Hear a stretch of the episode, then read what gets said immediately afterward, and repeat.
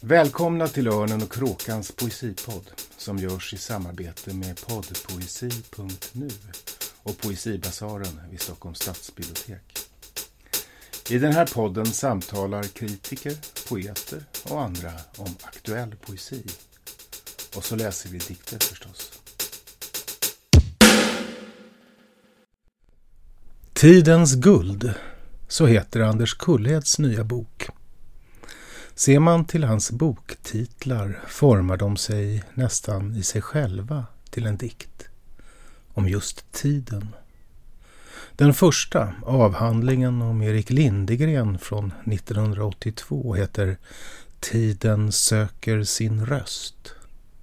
Sen essäsamlingen Solens flykt. Och solen, liksom skuggan, är ju vår tidsuppfattnings förutsättning.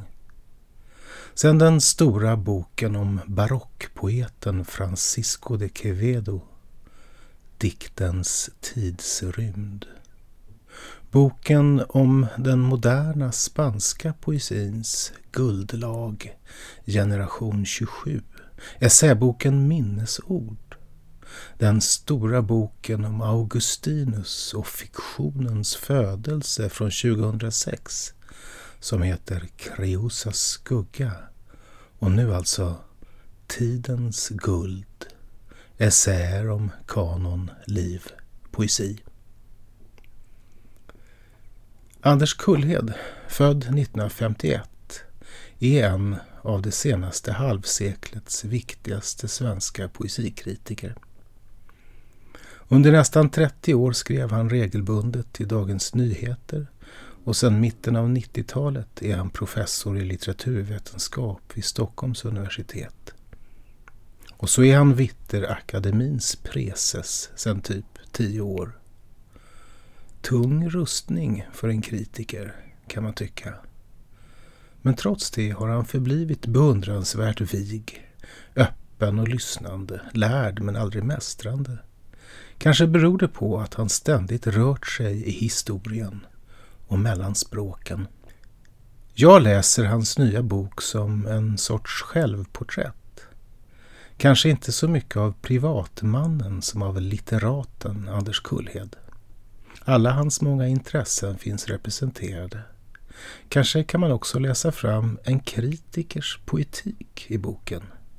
I så fall en historiserande poetik vars grund är sensibiliteten för tiden tiderna, hur de korsas och löper, hur åldrar och ögonblick just i läsakten aktualiseras på tvärs mot alla ordningar och kronologier. Jag stämde träff med Anders i hans lägenhet och vi började genast tala om hans personliga förhållande till historien. Så jag tänkte vi skulle prata lite om det och kanske också om hur du då eh, har kommit att eh, tänka på dikten ja. utifrån det historiska. Mm. Hur den är historiskt situerad på olika sätt. Mm. Mm. Eh, men jag skulle vilja börja med att eh, i den helt nutiden. Eh, I, I en av essäerna, jag tror att det är den som handlar just om Erik Lindegren, så skriver du om vår tid och vår tids poesiintresse. Eh, så här, citat. Att den, alltså tiden, gjort avkall på lyhördheten för det krävande men också vädjande tonfall som kännetecknar mycket modernistisk lyrik. Mm.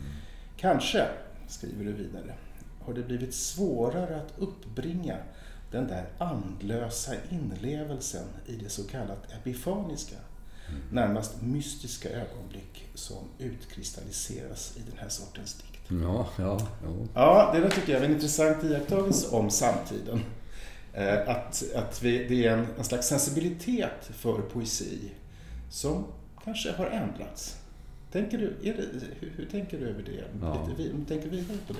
Jo, eh, den eh, moderna litteraturen är ju full med sådana här ögonblick och med den moderna litteraturen menar jag då i, i hög grad 1900-talslitteraturen. Eh, och jag tror att eh, Eh, det var James Joyce eh, som eh, tidigt då, som ju faktiskt inte är poet, men det spelar ju mindre roll, myntade den här termen epifani för dessa Mm, i någon mening magiska eller förtrollade eller stillastående ögonblick. Faktiskt stillastående. Den gamla religionen hade en, en, en term för det här Eh, nunc stans, låter som ingenstans men det betyder alltså nu så står allt stilla kan man säga.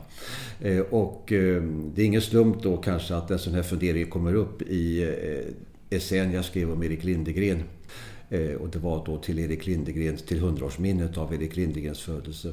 Eftersom hans dikt i så hög grad är beroende av eh, de här eh, ögonblicken. Han är på väg mot dem hela tiden och försöker ringa in dem i sin diktning.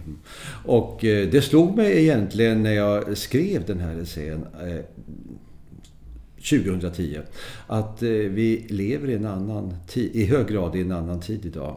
Det, jag tror vi, jag menar egentligen vi alla, alltså väldigt, väldigt många läsare i alla fall, har, har eh, svårare att eh, eh, fånga upp de här och att, att, att känna vibrationerna från de här ögonblicken. Vi har så mycket att tänka på i vår vardag och vi lever i en annan medial eh, verklighet eh, numera. Eh, det är inga märkvärdigheter alltså med internet och Facebook och e-mail och eh, mässa hela tiden. Eh, det, det, det, plingar eh, överallt mm. runt omkring oss ständigt. Och när ska vi stanna upp och ge oss hän åt den här modernistiska andakten? Det var den fråga mm. jag ville ställa i den här jag tänker, jag tänker att det där är ju också den där nu pratar vi om det epifaniska specifikt, eller gör du det? Men mm. den där sensibiliteten, mm. skulle man kunna prata om det i de mm. termerna kanske? Eller uppmärksamhetsformen, ja. som är helt enkelt en, ett, ett oerhört en, en oerhört förtätad uppmärksamhet som tar hela varelsen i anspråk. Och ja. Erik Lindegrens poesi kräver ju också det av sin läsare. Och idag kanske vi på grund av det, allt det du säger Facebook och så vidare har svårt att att, eh, att, att svara med den uppmärksamheten. Ja. Men den där uppmärksamheten, den där sensibiliteten har ju, upplever jag, varit helt central i ditt eget sätt att eh, odla litteraturen, att närma dig litteraturen, att leva med litteraturen. Ja, ja. Eh, det finns ju någonting i det som, som, när man läser din bok som är, det finns, jag ska inte säga att det är sorgligt eller att det är men det finns någonting som, det, det, är på något sätt som du talar ur en litteraritet som på något sätt, åtminstone för ögonblicket, är nästan försvunnen ur samtiden. Mm, mm. Det gäller ju också litteraturforskningen väl? Ja, jo. jo, men så är det nog. Det tror jag. Alltså att jag skriver ur någon form av eh, saknad. Eh, för att eh, eh Alltså det, ja, det, jag tycker verkligen det är svårare att eh, känna det. Alltså, och det är inte så då att eh, hoppas jag att man sitter som en sorts eh, konservativ allvarsgubbe och klagar över hur tiderna blivit sämre. Det gäller ju oss alla. Det gäller ju mig själv också. Jag är naturligtvis lika eh, fixerad som i princip alla andra vid de här eh, mässklingandena i telefonen och vad det är för någonting. Vi, vi, vårt, vårt samhälle, vår civilisation eller hur man nu vill uttrycka det, har, har, har blivit sån här.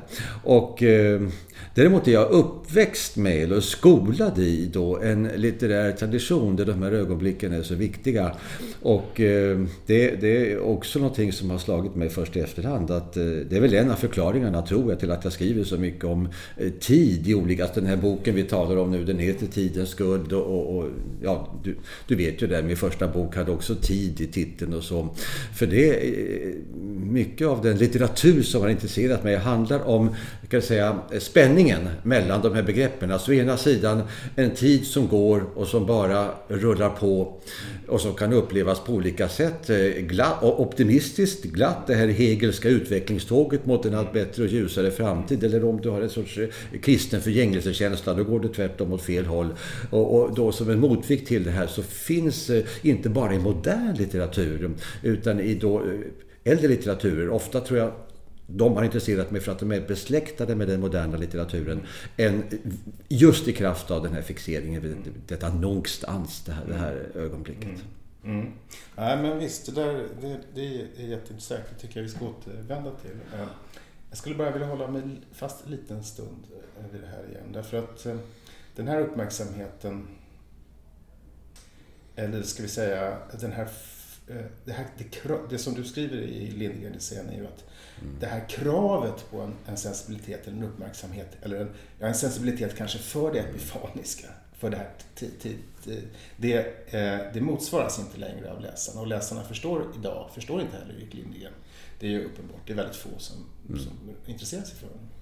Och det är klart att eh, man kan betrakta det där som en, en slags uppmärksamhetsform och dagens eh, poesi skriver mot en annan sorts uppmärksamhet eller kräver en annan sorts uppmärksamhet av sina läsare. Jag menar, eh, en, en tweet, den, den, den, den liknar ju en aforism på mm. många sätt. Mm. Eh, man ska titta på den kort och kanske tänka på den länge. Men, men, eh, men den, den, är inskriven i en annan form, en annan sorts uppmärksamhetsekonomi helt enkelt. Som, och det är klart att man kan göra sämre eller bättre tweets också på något sätt. Mm. Men, eh, och där tänker jag att eh, den här uppmärksamheten som vi kretsar kring nu, den här sensibiliteten, den har ju också med historicitet och det historiska att göra. Hos Erik Lindegren till exempel, som ju starkt skriver i en, i en modernistisk tradition där eh, allusionen i den Eliotska traditionen, alltså där, där så att säga, det, det åligger dikten att själv adaptera eh, det historiska och alludera. Det, är liksom, det historiska är något som på sätt och vis man skulle kunna kalla för, för diktens ansvar. Dikten ska själv situera sig eller konnotera historien. Eh, men idag så, så gör poesi kanske inte på samma sätt det. Utan där ligger ansvaret för historiciteten snarare hos, hos läsaren på något sätt. Det, ja, man kan läsa en tweet och man kan förstås historisera den på, på, många, på många olika sätt. Men jag skulle vilja återvända lite till den där liksom, eh, sensibiliteten som jag upplever som grunden i hela ditt, ditt kritiska författarskap. Som är å ena sidan en, en, en oerhörd känslighet inför allt som dikten kan vara. Diktens potentialitet i läsakten. Men som också är en, en, ehm, en särskilt eh, ska jag säga, en, en särskild, eh, ett särskilt avseende på det historiska. För att du har ju alltid i din, i din kritiska gärning så att säga historiserat. Mm. Och vad, kom, vad kommer det sig? Och vad, vad, vad, är det för slags poetik som ligger där mm. hos dig? Jag skulle säga att det är en, eh, som ett rakt svar på din fråga, en, en dialogisk eh, poetik. Eh, där alltså jag uppfattar eh, litteratur. Eh, det, det, finns nog en viss typ av litteratur som är monologisk i den meningen att du kan tänka dig, du ska ge uttryck för en oerhört stark känsla. Va? Eh, du får nästan tänka dig ett utropstecken, stort utropstecken på sidan efter dikten. Eh, och, och, så, då har du ett väldigt starkt uttryck som kanske då riktar sig till en obestämd läsare eller kanske riktar sig till Gud eller kanske till ingen alls. Sådär. Men, men det är fascinerande poesi, men jag tror undantagen som bekräftar regeln alltså att eh, eh yttran, språkliga yttranden av olika slag och framförallt för mig då när de omsätts i eh, det vi kallar för poesi. Eh, de riktar sig mot någon, till någon och det är inte alltid då att den som skriver det här kanske är ute efter det i första hand eller till och med medveten om det här men fungerar i ett sammanhang där eh, den här dialogen hela tiden eh, aktualiseras.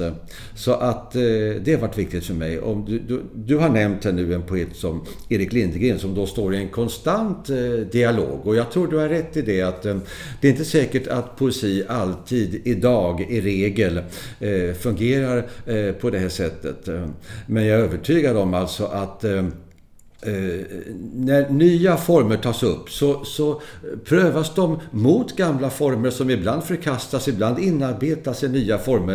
Det är en ständigt pågående process det här. Eh, och den tror jag nog fortgår också i ung eh, poesi idag. Eh, vi eh, har ju talat om eh, Anna Hallberg till exempel, va? som då skriver en sonettcykel precis som eh, ganska nyligen bortgångna Inge Kristensen skrev en känd sonettcykel och precis som han har skrivit sonetter sedan 1100-talet. Och Anna Hallberg hanterar den här traditionen på ett alldeles eget och ett alldeles annorlunda sätt. Men den finns naturligtvis där och jag tror att man kanske inte måste känna till den för att få ut någonting av Anna Hallbergs dikt. Men gör man det menar jag att det berikar eh, läsupplevelsen. Så det är inte fråga om så säga, lärdom för lärdomens egen skull utan för att få ut mera njutning av poesin på det sättet. Det är en sorts, för mig då, den här historiska läsningen i den meningen en slags hedonistiska läsningar med ett fint ord. Det vill säga läsningar som ger dig mera som, som läsare. Mm. Nej, men det, det håller jag verkligen med om. Det är också... Ja, det är, påtagligt att de här essäerna, vi ska återkomma till det kanske, eh, är sprungna ur eh, olika, olika art, sorters hedonism eller njutning. Eh, både läsningens njutning men också skrivandets njutning. Men jag tänkte så här, om, om vi nu tänker oss att det, det, det, framgår ju också av, av din, hur du läser att historien för poesin är inte en kronologisk företeelse. Det är inte så att man håller sig, eh, man, att eh, dikter så att säga rullar upp en kronologi i sin historicitet. Utan historien är någonting närvarande och som aktualiseras på olika sätt i dikterna. Och om man nu tänker sig din, eh, den här boken, Tidens guld, som ett, en slags eh, ditt verk, en slags eh, dikt som som skapar, som förhåller sig till, sin, till, till olika epoker och till historien. Var, om vi ska börja att ta oss in i det här verket, var, var vilken, vilken författare, vilken epok, vilken, vad, vad är centrum i, i det här verket? Är, är det Dante? Ja, Eh, det är det. Eh, men eh, på ett lite annorlunda sätt än vad det är tror jag för Dante-forskare i allmänhet, eller akademiska så kallade dantister brukar man säga, de, alltså Dante-experter. För att det egentligen rör din fråga nu, precis det vi alldeles nyss har talat om. Att eh, Dante då är ju ett väldigt, väldigt kanoniskt författarskap. Ett av de, eh, jag skulle säga om man ska välja ut en 3, 4, 5 i det, det vi kallar ibland för den västerländska traditionen så hör Dante nästan alltid ett av de här eh, 3, 4 eller 5 eh, namnen. Eh, men eh, jag upptäckte ju då Dante genom den moderna litteraturen och framförallt genom en alldeles genial eh, Dante-läsare, nämligen den modernistiske poeten eh, T.S. Eliot, eh, som då återanvänder Dante, eh, citerar Dante, har flera fall eh, passager ur Dantes verk som motton till sina egna eh, dikter. Och, och detta av flera skäl. Alltså eh, eh, T.S. Eliot skriver under första världskriget och efterkrigstiden en mörk eh, epok kan man säga, den europeiska historien som han tar sig an det. Och då kan han känna igen delar av det här i Dantes gudomliga komedi, inte minst i den första delen där som heter Helvetet. Och när jag då, sen har jag kommit att ägna mig då sista 10-15 årens forskning mestadels åt Dante.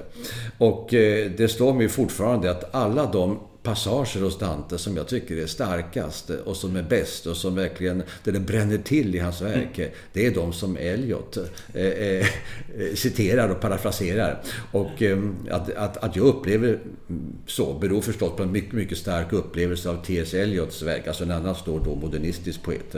Så, så att eh, jag märker ju det när jag är på Dante-konferenser och så med medievister, alltså medeltidsexperter, att jag, min, min uppfattning av Dante är lite annorlunda. Mm. De är ofta filologer dialoger och utgår från samtida saker och så. För mig är det mer en hermeneutisk med ett annat fint, alltså en, eh, en, en, en stark eh, tolkningsupplevelse av Dante som är filtrerad genom moderniteten och den moderna poesin hela tiden. Och det är ytterligare ett exempel på det här som, vi, som jag kallar då för dialog mellan, mellan författare. Mm. Och där, nu ringar du ju också in här en, en förhållande till historien, ett kritiskt eh, fackförhållande också till, till det historiska som skiljer dig från många andra litteraturhistoriker eftersom i synnerhet idag när, litteratur, när litteraturvetenskapen har blivit så starkt specialiserad.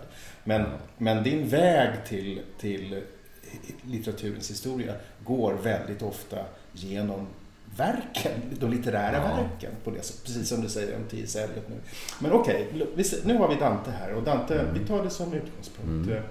Mm. Och, och, Dante, som du visar så, så har han förstås eh, eh kastar han sitt ljus framåt eh, och många, inte minst modernister, eh, har ju återvänt till Dante och aktualiserat honom i sina egna verk. Men också bakåt, eller hur? Jag menar, Dante är ju en central gestalt på, på många sätt. I, eh, och Dante har ju också, aktualiserar ju också antiken förstås på mm. olika sätt. Mm. Um, och i boken så, så är det ju väsentligen två. Dels så skriver de Horatius om mm. den, den, den romerska guldåldern mm. kan man säga. Och sen så skriver du om Augustinus. Mm. Och Augustinus, så som jag läser dig och ditt verk, så är Augustinus väldigt central. Det är också, jag tänker på, eh, du, undertiteln till, till boken heter Essäer om kanon, liv, poesi. Eh, och det där kanon och poesi, det, det, har vi pratat om mycket, men det här liv i mitten. Där, eh, eh, kanon, liv och poesi, eh, det är, är ju någonting, åtminstone i synnerhet kanon och liv, som är, som är mm, är centralt i, hos, hos Augustinus. Han skriver ju trots allt i bekännelser sitt liv mm, mm. på något sätt. Eh, och, och jag är, har, är väldigt, eh, inte bara förtjust utan påverkad av, starkt påverkad av din bok om Kreosas skugga som handlar om, mm. om Augustinus historiskt ja, Och tiden förstås. Eh, tiden är ju Augustinus stora ämne. Vad, vad tänker du att eh, Augustinus hur, hur är Augustinus aktuell för oss idag? Han, eh, jag tror på flera sätt. Ehm, eh, dels så har vi då, alltså han är en av de största, eh, en av de starkaste gestalterna när det gäller att formulera eh, den kristna religionen och idag har vi då eh, starkt, vilket man kanske inte kunde förutse, det tror jag inte om jag kommer ihåg hur det var eh, dialog och debatt i offentlighet när jag var ung. Religionen var i stor utsträckning på avskrivning utifrån filosofer som Ingmar Hedenius här i Sverige va, med, med kollegor utomlands och så. Eh, nu har det inte blivit så utan eh, religion och religiositet eh, spelar en oerhört stor roll för både utveckling och konflikter i, i dagens värld. Så att bara det tycker jag är en anledning att gå tillbaka till då den som så att säga sätter agendan för den kristna, det kristna tänkandet, den kristna filosofin, vilken är Augustinus.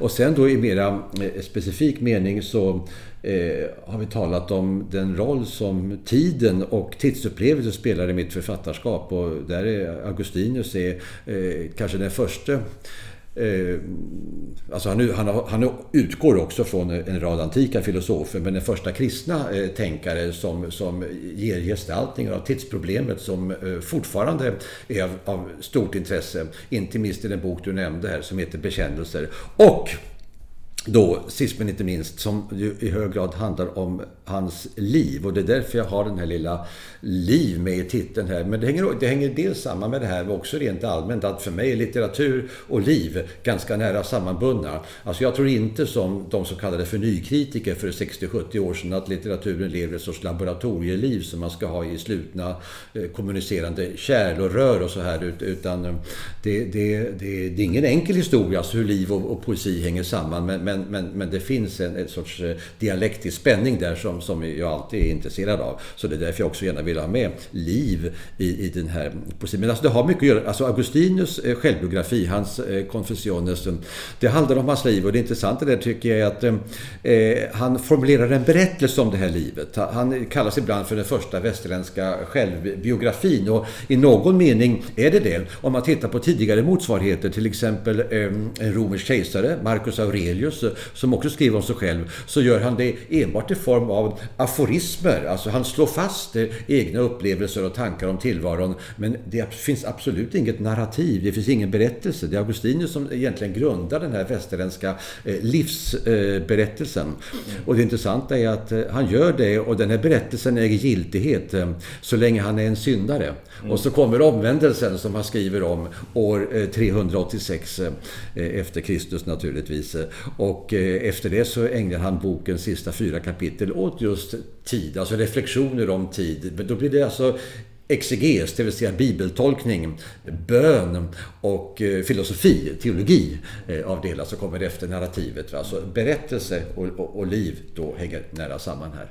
Men är det inte också någonting annat som föds eh, med, med Augustinus? En, en, annan sorts tid som har med just bios och grafein, med liv och skrivande att göra.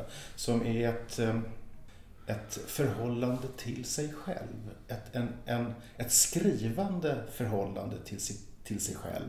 Mm. Som både har med det inre och yttre att göra. Att, att, att formulera sig mm. över gränsen mellan inre och yttre. Han har ju alla dessa spekulationer om sitt inre. Ja. Eh, som man har som ja. en rymd och en plats och var, var finns Gud där och var finns Gud inte och allt det där som, som ingår i. Men, men jag tänker att den där, eh, den där, biogra den där mm, biografiska framställningen som också är en tidsform, en litterär tidsform, den går ju på något sätt igen hos Dante. Mm, mm, är det inte så? Jo då. Oh ja. Eh, även om, om Dante ju är, är, är, fiktiv, öppet fiktiv i sin självframställan. Mm. Intressant. Mm. Diskrepansen mellan författaren Dante och gestalten Dante är ju mycket större mm. än mellan mm. författaren Augustinus och, och, och protagonisten här. Mm. Jo, jo, det är riktigt. Men, men alltså det, den parallellen eh, som jag ser den består i att den här spänningen eh, finns där och den är åtminstone ganska lätt att peka ut hos Augustinus. Alltså, den som skriver boken Bekännelser nästan exakt runt år 400 eh, efter Kristus eh, är en omvänd, övertygad kristen filosof och en av huvudgestalterna i den dåvarande västerländska kristenheten. Folk från när och fjärran runt Medelhavet vänder sig till Augustinus i filosofiska spörsmål. Han är redan här eh, ettan, filosofen nummer ett, eh, utan, eh, utan konkurrens faktiskt. Mm. Och, och, den han skriver om är i någon mening en annan. Det är alltså den vilsne syndaren, den filosofiske sökaren som letar sig fram. Och hos Dante har vi alltså någon som skriver som bör ha sett ljuset och nått fram till Gud på sin vandring genom de tre rikena, helvetet, skärselden, paradiset.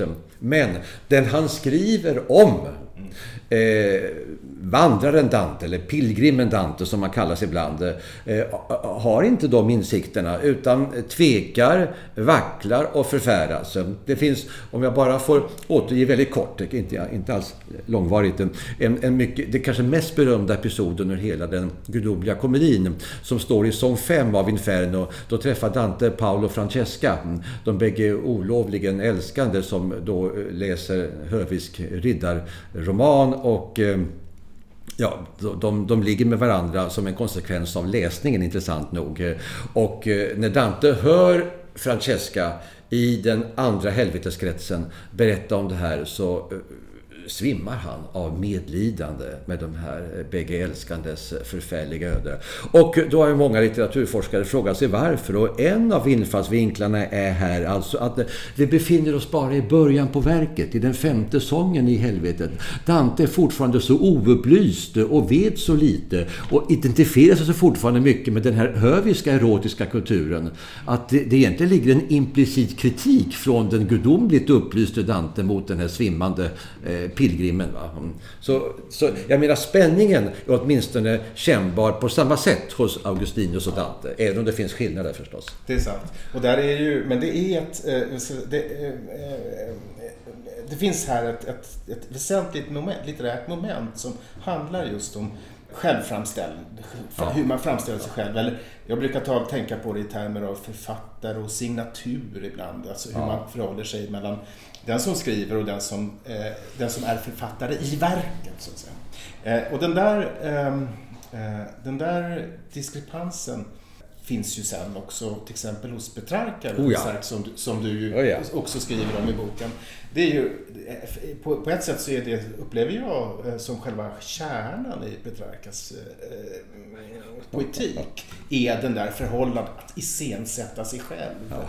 Som, som författare. Och det där är ju på ett sätt, jag menar, i, i och med eh, Ja, det, det finns, det, den där, det här förhållandet finns också faktiskt i, i den romerska guldålderslitteraturen. där, Som du, hos Horatius och Catullus och andra. Men den där att, att, att hålla på, att, att litteraturen äger rum eh, i, över gränsen mellan författare och, eh, och signatur. På något sätt. Ja, eh, jo visst alltså det, det, det, eh, signaturpoet visar, då tänker man lätt på en grupp svenska poeter från 1870-talet som inte var så framstående kanske. Men, men, men om man använder begreppet ett annat sätt så den store signaturpoeten i, i den här boken jag har skrivit det är naturligtvis eh, Petrarca. Jag tror du har eh, helt rätt där. Och, och, och en sån succé dessutom. Alltså han lanserar ju bilden då av den kluvne, förtvivlade, gråtande, förälskade poeten som slog an sådana strängar hos läsarnas hjärtan att han förblev det centrala namnet i den europeiska kanon fram till 1600-talet under 300 år. En makalös eh, framgångshistoria. Det här som i internationell litteraturforskning på flott engelska numera kallas för self-fashioning. Alltså man utformar sig själv, man det, promotar eh, sig själv på något sätt, en bild av sig själv i litteraturen. Och du ser att det här finns också i den romerska litteraturen och det är ju riktigt på sitt alltså på annat sätt under andra omständigheter. Men Eh, min, en tanke jag har där är alltså att Petrarca eh, då verkar under en tid, 1300-talet, eh, bara två generationer efter Dante, men ändå på ett annat sätt än Dante, återknyter till de antika poeterna. Så också den här självlanseringen som är så konstant hos Petrarca ehm, har, har, har de här antika dragen. Mm, mm. Och det kommer ju igen hos också en, en, en eh, Sor Juana som du skriver om till exempel. Som ju också eh, hennes eh, självporträtt till exempel, poetiska självporträtt som hon, som hon ägnar sig åt. Den där, den där helt enkelt, i och med antiken eller senantiken och så småningom eh, ska jag säga, eh, konfirmerat i, i senmedeltid, eh, renässans, vad vi kallar det för, eh, så blir det en, en helt enkelt en helt avgörande spår i den, i Ja. den väst, västerländska eh, poetiska traditionen, litterära Ja. traditionen. Ja, jo. Eh, Det är ett spår där i boken som eh, har med kön och genus att göra. Alltså, Det är inte, jag ska inte säga att det är dominerande på något sätt, men eh, det finns där och det har fascinerat mig mycket. Och framför allt kanske, det är inte så mycket under medeltiden för mig som under just 15 och 1600-talen där eh, de sk- skrivande kvinnor i eh, Italien, eh, Frankrike, mm, inte så mycket för faktiskt i de eh, germanska länderna, men i Italien och- Frankrike. Och eh, då när det gäller faktiskt borta i nya Spanien som det hette på den här tiden, eh, Mexiko eh, trädde fram. Mm. Och då har man att förhålla sig till en eh, ganska om man kan uttrycka saken så, manligt eh, kodad Eh, kultur och eh, traditioner. tradition. Och eh, de här väldigt, väldigt smarta kvinnorna, de tar ju då alltså inte avstånd från den egentligen, utan de återanvänder den, men omkodar den helt och hållet för egna syften. Och en av essäerna i den här boken, eller egentligen två av dem, handlar just om detta. Och inte minst då hur de tar till bilden av den här mytiske flygaren Ikaros som en sorts självidentifikation. Men de, då får vi alltså en sorts, host hos dem, eh, låter kanske konstigt, men kvinnlig eh, Ikaros. Och det, denna kvinnliga Ikaros är, är ett, eh, tycker jag är oerhört intressant. Mm. Och där är det ju en, jag tänker på Sor Juanas stora dikt, Primero Sueño, som är ju en slags kosmologisk resa, drömresa. Ja, ja, Där är det ju väldigt centralt att det är hon som drömmer. ja, Drömmen, där har, har man igen alltså, så att eh, den där liksom att iscensätt, själviscensättningen. ja. Men jag tänker, eh, för att återvända lite till, till den här tanken om, om eh, ditt verk. Mm. Hur, hur tänker du över dig själv i den här över den här distinktionen som författare och person och liv och, och, och bios och grafin. Jo, eh, jag, jag, jag, tänker mig att jag eh, ingår också i en sån här eh, dialog eh, med, jag ska inte säga, eh, kanske för mig då i huvudsak döda författare, men det är ingen huvudsak för mig. Det är förstås med, ungefär som vi, du och jag sitter och har ett samtal här. Eh, men alltså jag är inte poet då som du är. Eh, och, och, men, men jag tror ju att man också som essayist, som forskare, som skribent eh, eller säg som läsare. Jag tror nog det var en tanke du lanserade här nyss kanske för en kvart, 20 minuter sedan efter att du pratade. Alltså att läsaren eh, då eh, konstruerar de här historiska sammanhangen eller går in i de här historiska sammanhangen. Och det är ju det då som jag har velat göra eh, med, i de här essäerna. Och eh, just där så kan det också vara en vits med, alltså för annars kan man ju tycka att en, essä, en essäbok kan ju ibland, det tror jag alltid, kan, kan, eh, om den inte är väldigt väl komponerad kan ju kännas lite spretig. Den spretar åt olika håll och tar upp eh, lite saker till höger och vänster och sådär. Men alltså fördelen med att ställa samman olika namn på det sättet är ju att kanske författare som man inte normalt tänker hör ihop med varandra. När man får dem mellan två pärmar på det sättet så kan de verkligen känna att man, då, nej, titta de här kan prata med varandra. Mm. De här ingår i dialoger. Det har också varit en tanke då. Och det är också någonting vad tidens guld eh, mm. betyder för mig. Alltså dessa, mm. dessa samtal över um, seklerna. Mm. Men det är ju också, essäen är ju en litterär genre, så ja, uppfattar jag den ja, och, ja. och det är ju, eh, det här är en annan, vad ska jag säga, eh, det som jag talar om som signaturen till exempel, ger sig mm. ju till känna, alltså så att säga författaren i verket, ger sig ju till känna i stilen mm. i hög utsträckning. Mm. Och det, eh, eh, jag är, det, det, är roligt att läsa dig på det sättet att du har, en, du har ett, eh, den här historiciteten som du talar för, som är din poetik i någon mening. Också ditt perspektiv som forskare och kritiker. Det, det är också en, en nivå som finns i, ditt eget, i din egen stil. Du, kan, du, har, du har en fäbless för, för nya uttryck och lite sånt där. Men samtidigt så kan du, kan du använda, eh, jag har väldigt eh, eh, nästan, eh, eh vad ska vi säga, eh, idiomatiska uttryck och sånt där. Så du, du, kallar, du använder till exempel adjektivet lödigt. Eller, jag har ett citat här som jag tycker är en underbar mening som, som är just i den här essän om Ikaros och Phaeton de här himmelsflygande, en mening som lyder så här. Eh, och du skriver då om de här Phaeton och Ikaros. Eh, och det handlar då om, om tidig modern litteratur. Och så, så här skriver du. De mytiska flygarnas lyriska himlaturer behöver följaktligen ingalunda indikera något särskilt frihetligt patos hos poeterna i fråga. Det är en underbar både syntax men också den där eh, Ehm, den där användandet av eh, metaforer, liknelser som är eh, och himmels, himlaturer och följaktligen. Det är, det är, en, det är en tidsspann, en historicitet som, ja. som finns i, i ditt språk. Och nu undrar jag så här, vad betyder vad, vad är stilen för, hur, hur, hur, hur använder du, hur tänker du över stilen som ett eh, hermeneutiskt eller tolkande, kritiskt verktyg. Mm, vad, vad är, ja. Hur tänker du över det? Jo, jo, jag tror att stilen hör till de instrument, jag ska inte säga det enda instrumentet, det vore att formalisera för mycket, men ett av de instrument man använder för att tränga in i ett författarskap och då levandegöra ett författarskap eh, för andra. Och det hänger samman med att eh, jag har ju då framlevt då ett, ett ska jag säga, Eh,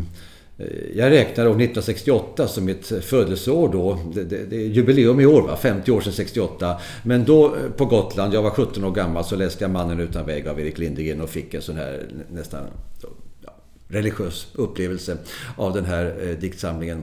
Eh, så att, eh, och, och ända sedan dess eh, har jag då levt i ett korsdrag kan man säga mellan å ena sidan eh, där jag har haft mitt eh, fysiska vardagliga arbete som är på en universitetsinstitution och sen i den kritiska offentligheten. Alltså jag skrev då kritik i Dagens Nyheter regelbundet under 27 år mellan 1986 och 2013. Och, och, och eh, eh, de som har färgat min stil det är ju då inte så mycket faktiskt de här forskarkollegorna och akademiker, varken eh, här på plats eller utländska, utan det är till exempel en kritiker som eh, Björn Nilsson i Expressen, kanske det allra bästa exemplet, som jag tyckte var den som bäst i Sverige faktiskt behärskade det stilistiska hantverket i sin litteraturkritik. Gick bort lite för tidigt tyvärr på 1990-talet. Det är inte säkert att en yngre läsare idag har kontakt med honom. Men alltså, det är den typ av kritiker som man mycket väl... Jag tror det finns, det finns för någon bok, eh, jag tror han är samlad i bokform på något sätt, där man kan slå upp och titta efter som skriver så genialt på det sättet. Jag nämner honom faktiskt också i en av essäerna här som handlar om Tuva Forsström, den finlandssvenska författarinnan. Eh, så att ehm, det, det, är någonting i alla fall av förklaringen till det med stilen. Men alltså jag vet, det är ju lite lustigt det där. Jag har då en, eh, kan säga, en eh, mycket respekterad allvarsman som kollega före detta rektorn för Uppsala universitet, Stig Strömholm, som skrev ett vänligt brev till mig och påpekade att jag tyvärr har ordet hippt med i boken. Alltså det är sant, jag har, jag har ju lite svagheter då för ja. ganska, ja. ja. ganska brett stilregister möjligen. Det, det, det, det kanske måste man säga. Men det är också, jag tänker att det, här, det kanske har med det dialogiska att göra. Det, finns ju en, en skola eller en, en, en, riktning inom litteraturkritiken som, som där så att säga eh, det kritiska språket eh, härmar eller i, i någon form av mimesis förhåller sig till, till föremålets språk. Mm. Det vill säga att man, att man så att säga att man i sin stil eh, lyfter fram det verk man talar om eller nyanserar. Det, så, så skriver mm. inte du. Nej. Utan du skriver mycket mera dialogiskt i den meningen att du, du ställer ditt eget språk du ställer verket inför ditt eget språk. Det är inte, ja, men det här, de här texterna som finns i Tidens guld, de, de eh, som har framgått eh, kommer från väldigt olika epoker och olika språk. Ja. Och så. Eh, men, men det är inte så att, att stil, stilen radikalt förändras, bero, din stil alltså, beroende på vem du skriver om. Utan du är ganska förankrad i din egen... Ja. Och jag, upp, jag uppfattar just det som en slags lust. Ja. Du har helt enkelt, eh, du, du, du tycker att du, det finns en stark förnimmelse av lust i, ditt, ja. för, hos, i, i skrivandet för dig. Är det ja. inte så? Jo, ja. jo, jo jag, jag hoppas det. Och, och, och eh, Eh, eller rättare sagt, det vet jag att det finns och eh, det, kan, det är väl den minsta gemensamma nämnaren då. Den här lusten och nyfikenheten inför författarskapen som jag ju hoppas, för det kan jag bara hoppas då, ger avtryck i, i stilen. Men det handlar också lite grann alltså om att den här dialogen som vi har talat om. En dialog innebär ju alltid att man Eh, öppnar sig för det som på lite högtidligt filosofiskt språk heter den andre med stort D så här va. Men inte att man så att säga övergår och, och börjar låna färg och assimilera sig själv med denne andra hur mycket man än kan eh, gilla eh, hen. Utan eh, alltså den egna personligheten måste då... För det, det är det för, som dialogsituationen innebär för mig. Att man ingår i den här dialogen och då måste, också, då måste man ha någonting som står pall och står fast. Eh, när man då, eh, inte minst när man konfronteras med så många olika andra som genom en bok eh, som den här som innehåller 21 essäer om ännu flera författarskap. Mm. mm. Så det ligger, det du nämner här, den här speciella eh, stilkänslan, den är för mig förknippad med eh, dialogen och dialogiciteten mm. i den meningen. Men motsatsen finns också i din, i din kritik, alltså den, den, andra hållningen och den kommer ju till uttryck i ett annat kritiskt verktyg som jag tror du talade om förut, eh, stilen som ett verktyg ett instrument sa du. Eh, ett annat kritiskt instrument eh, och det är översättningen. Ja. Eh, där, är det, där råder ju andra relationer mellan, mellan översättaren och det översatta. Ja. Eller översättningen och det översatta. Och, och det upplever jag att du, du i alla dina böcker så eh, använder du ofta egna översättningar. Mm, du, mm, att översätta är så att säga ett sätt för dig, ett kritiskt förhållningssätt. Ett sätt ja. att, att interpretera, att förstå. Eh, ja.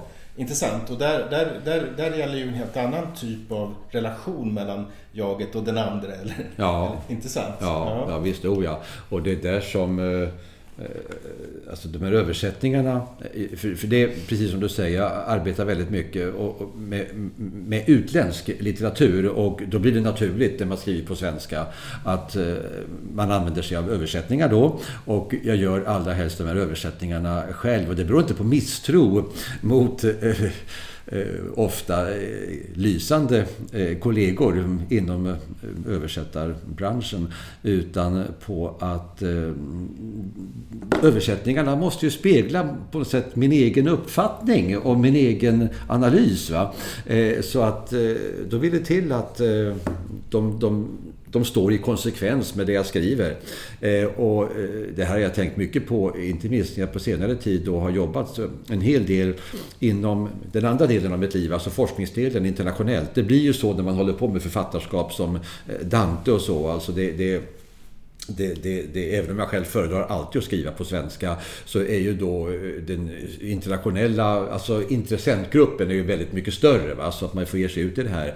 Och eh, då så försöker jag aldrig eh, alltså översätta själv på engelska. Va? Utan då tar jag till andra översättningar som redan är gjorda. Det visar också hur starkt, hur nedgrävda vi är ända upp till huvudet i språket hela tiden. Va? Hur beroende vi är av språket när vi tänker och reflekterar om litteratur. Jag förstår det är en förståelseform ja. att översätta också. Ja, visst. Menar, det, är ju, det är ju någonting, en författare som man har översatt eh, eh, har man ju en helt annan förtrogenhet med. Från ett annat håll. Ja.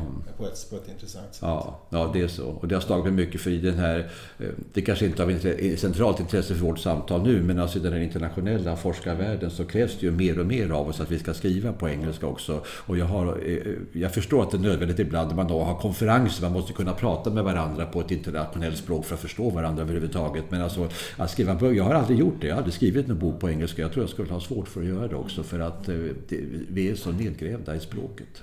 Då är vi på ett sätt tillbaka till den där eh, sensibiliteten, eller uppmärksamheten eller epifaniska förhållandet till eh, det här så att säga, sättet att närma sig dikten med allt man har. Helt enkelt. Mm. Med allt man är och har. Med sitt språk och med sin känsla och med sin erfarenhet. Eh, där, där det ju helt enkelt är väldigt svårt på, på andra språk. Eh, ja. Helt enkelt. Man kan inte riktigt... Eh, ska jag, om jag ska förhålla mig till en dikt på, på, på ett annat språk så då måste jag nästan översätta den om jag ska göra. För att, för att riktigt få en känsla som jag har för, inför en svensk dikt. Så att säga. Ja. Och det där är ju intressant. Det där är ju en, det, det ligger utanför det här samtalet egentligen. Men jag, jag tänkte vi ska sluta det här samtalet med mm. att jag ska be dig att läsa oh. en översättning just. Eh, nämligen Jorge Guillens eh, dikt. Som är, jag ska se vad vi hade den här på sidan 275 så har du översatt en, en dikt, eh, Jorge som ju är en av eh, generation 27-poeterna och inte så, så eh, inte bortglömd, det ska jag verkligen inte säga, men som ändå är, är 75 år. Inte är lika eh, omtalad som, eh, som många andra. Eh, och den här dikten, jag tycker väldigt mycket om den här dikten. Eh, och den eh, sammanfattar på ett sätt, tycker jag, det vi har pratat om. Det är alldeles sant. Det, det, det, dikten är verkligen en sorts eh, koncentrat av mitt försök att skriva, mina försök att skriva essäer. Jag läser upp dikten då. Gator, en park, gräset med sina döda. Att dö, nej, leva. Det eviga en storstad. Lodrätt gravsten, de andras namn. Odödligheten bevarar deras höst. Vad är det för sorg? Gräsmattan känner inga avsked alls. Och var är döden? Runt om gravarna sjuder staden. En enda frid tätnar i diset. Förenade tvärs genom samma glömska vimlar de om vartannat. Det levande, det döda.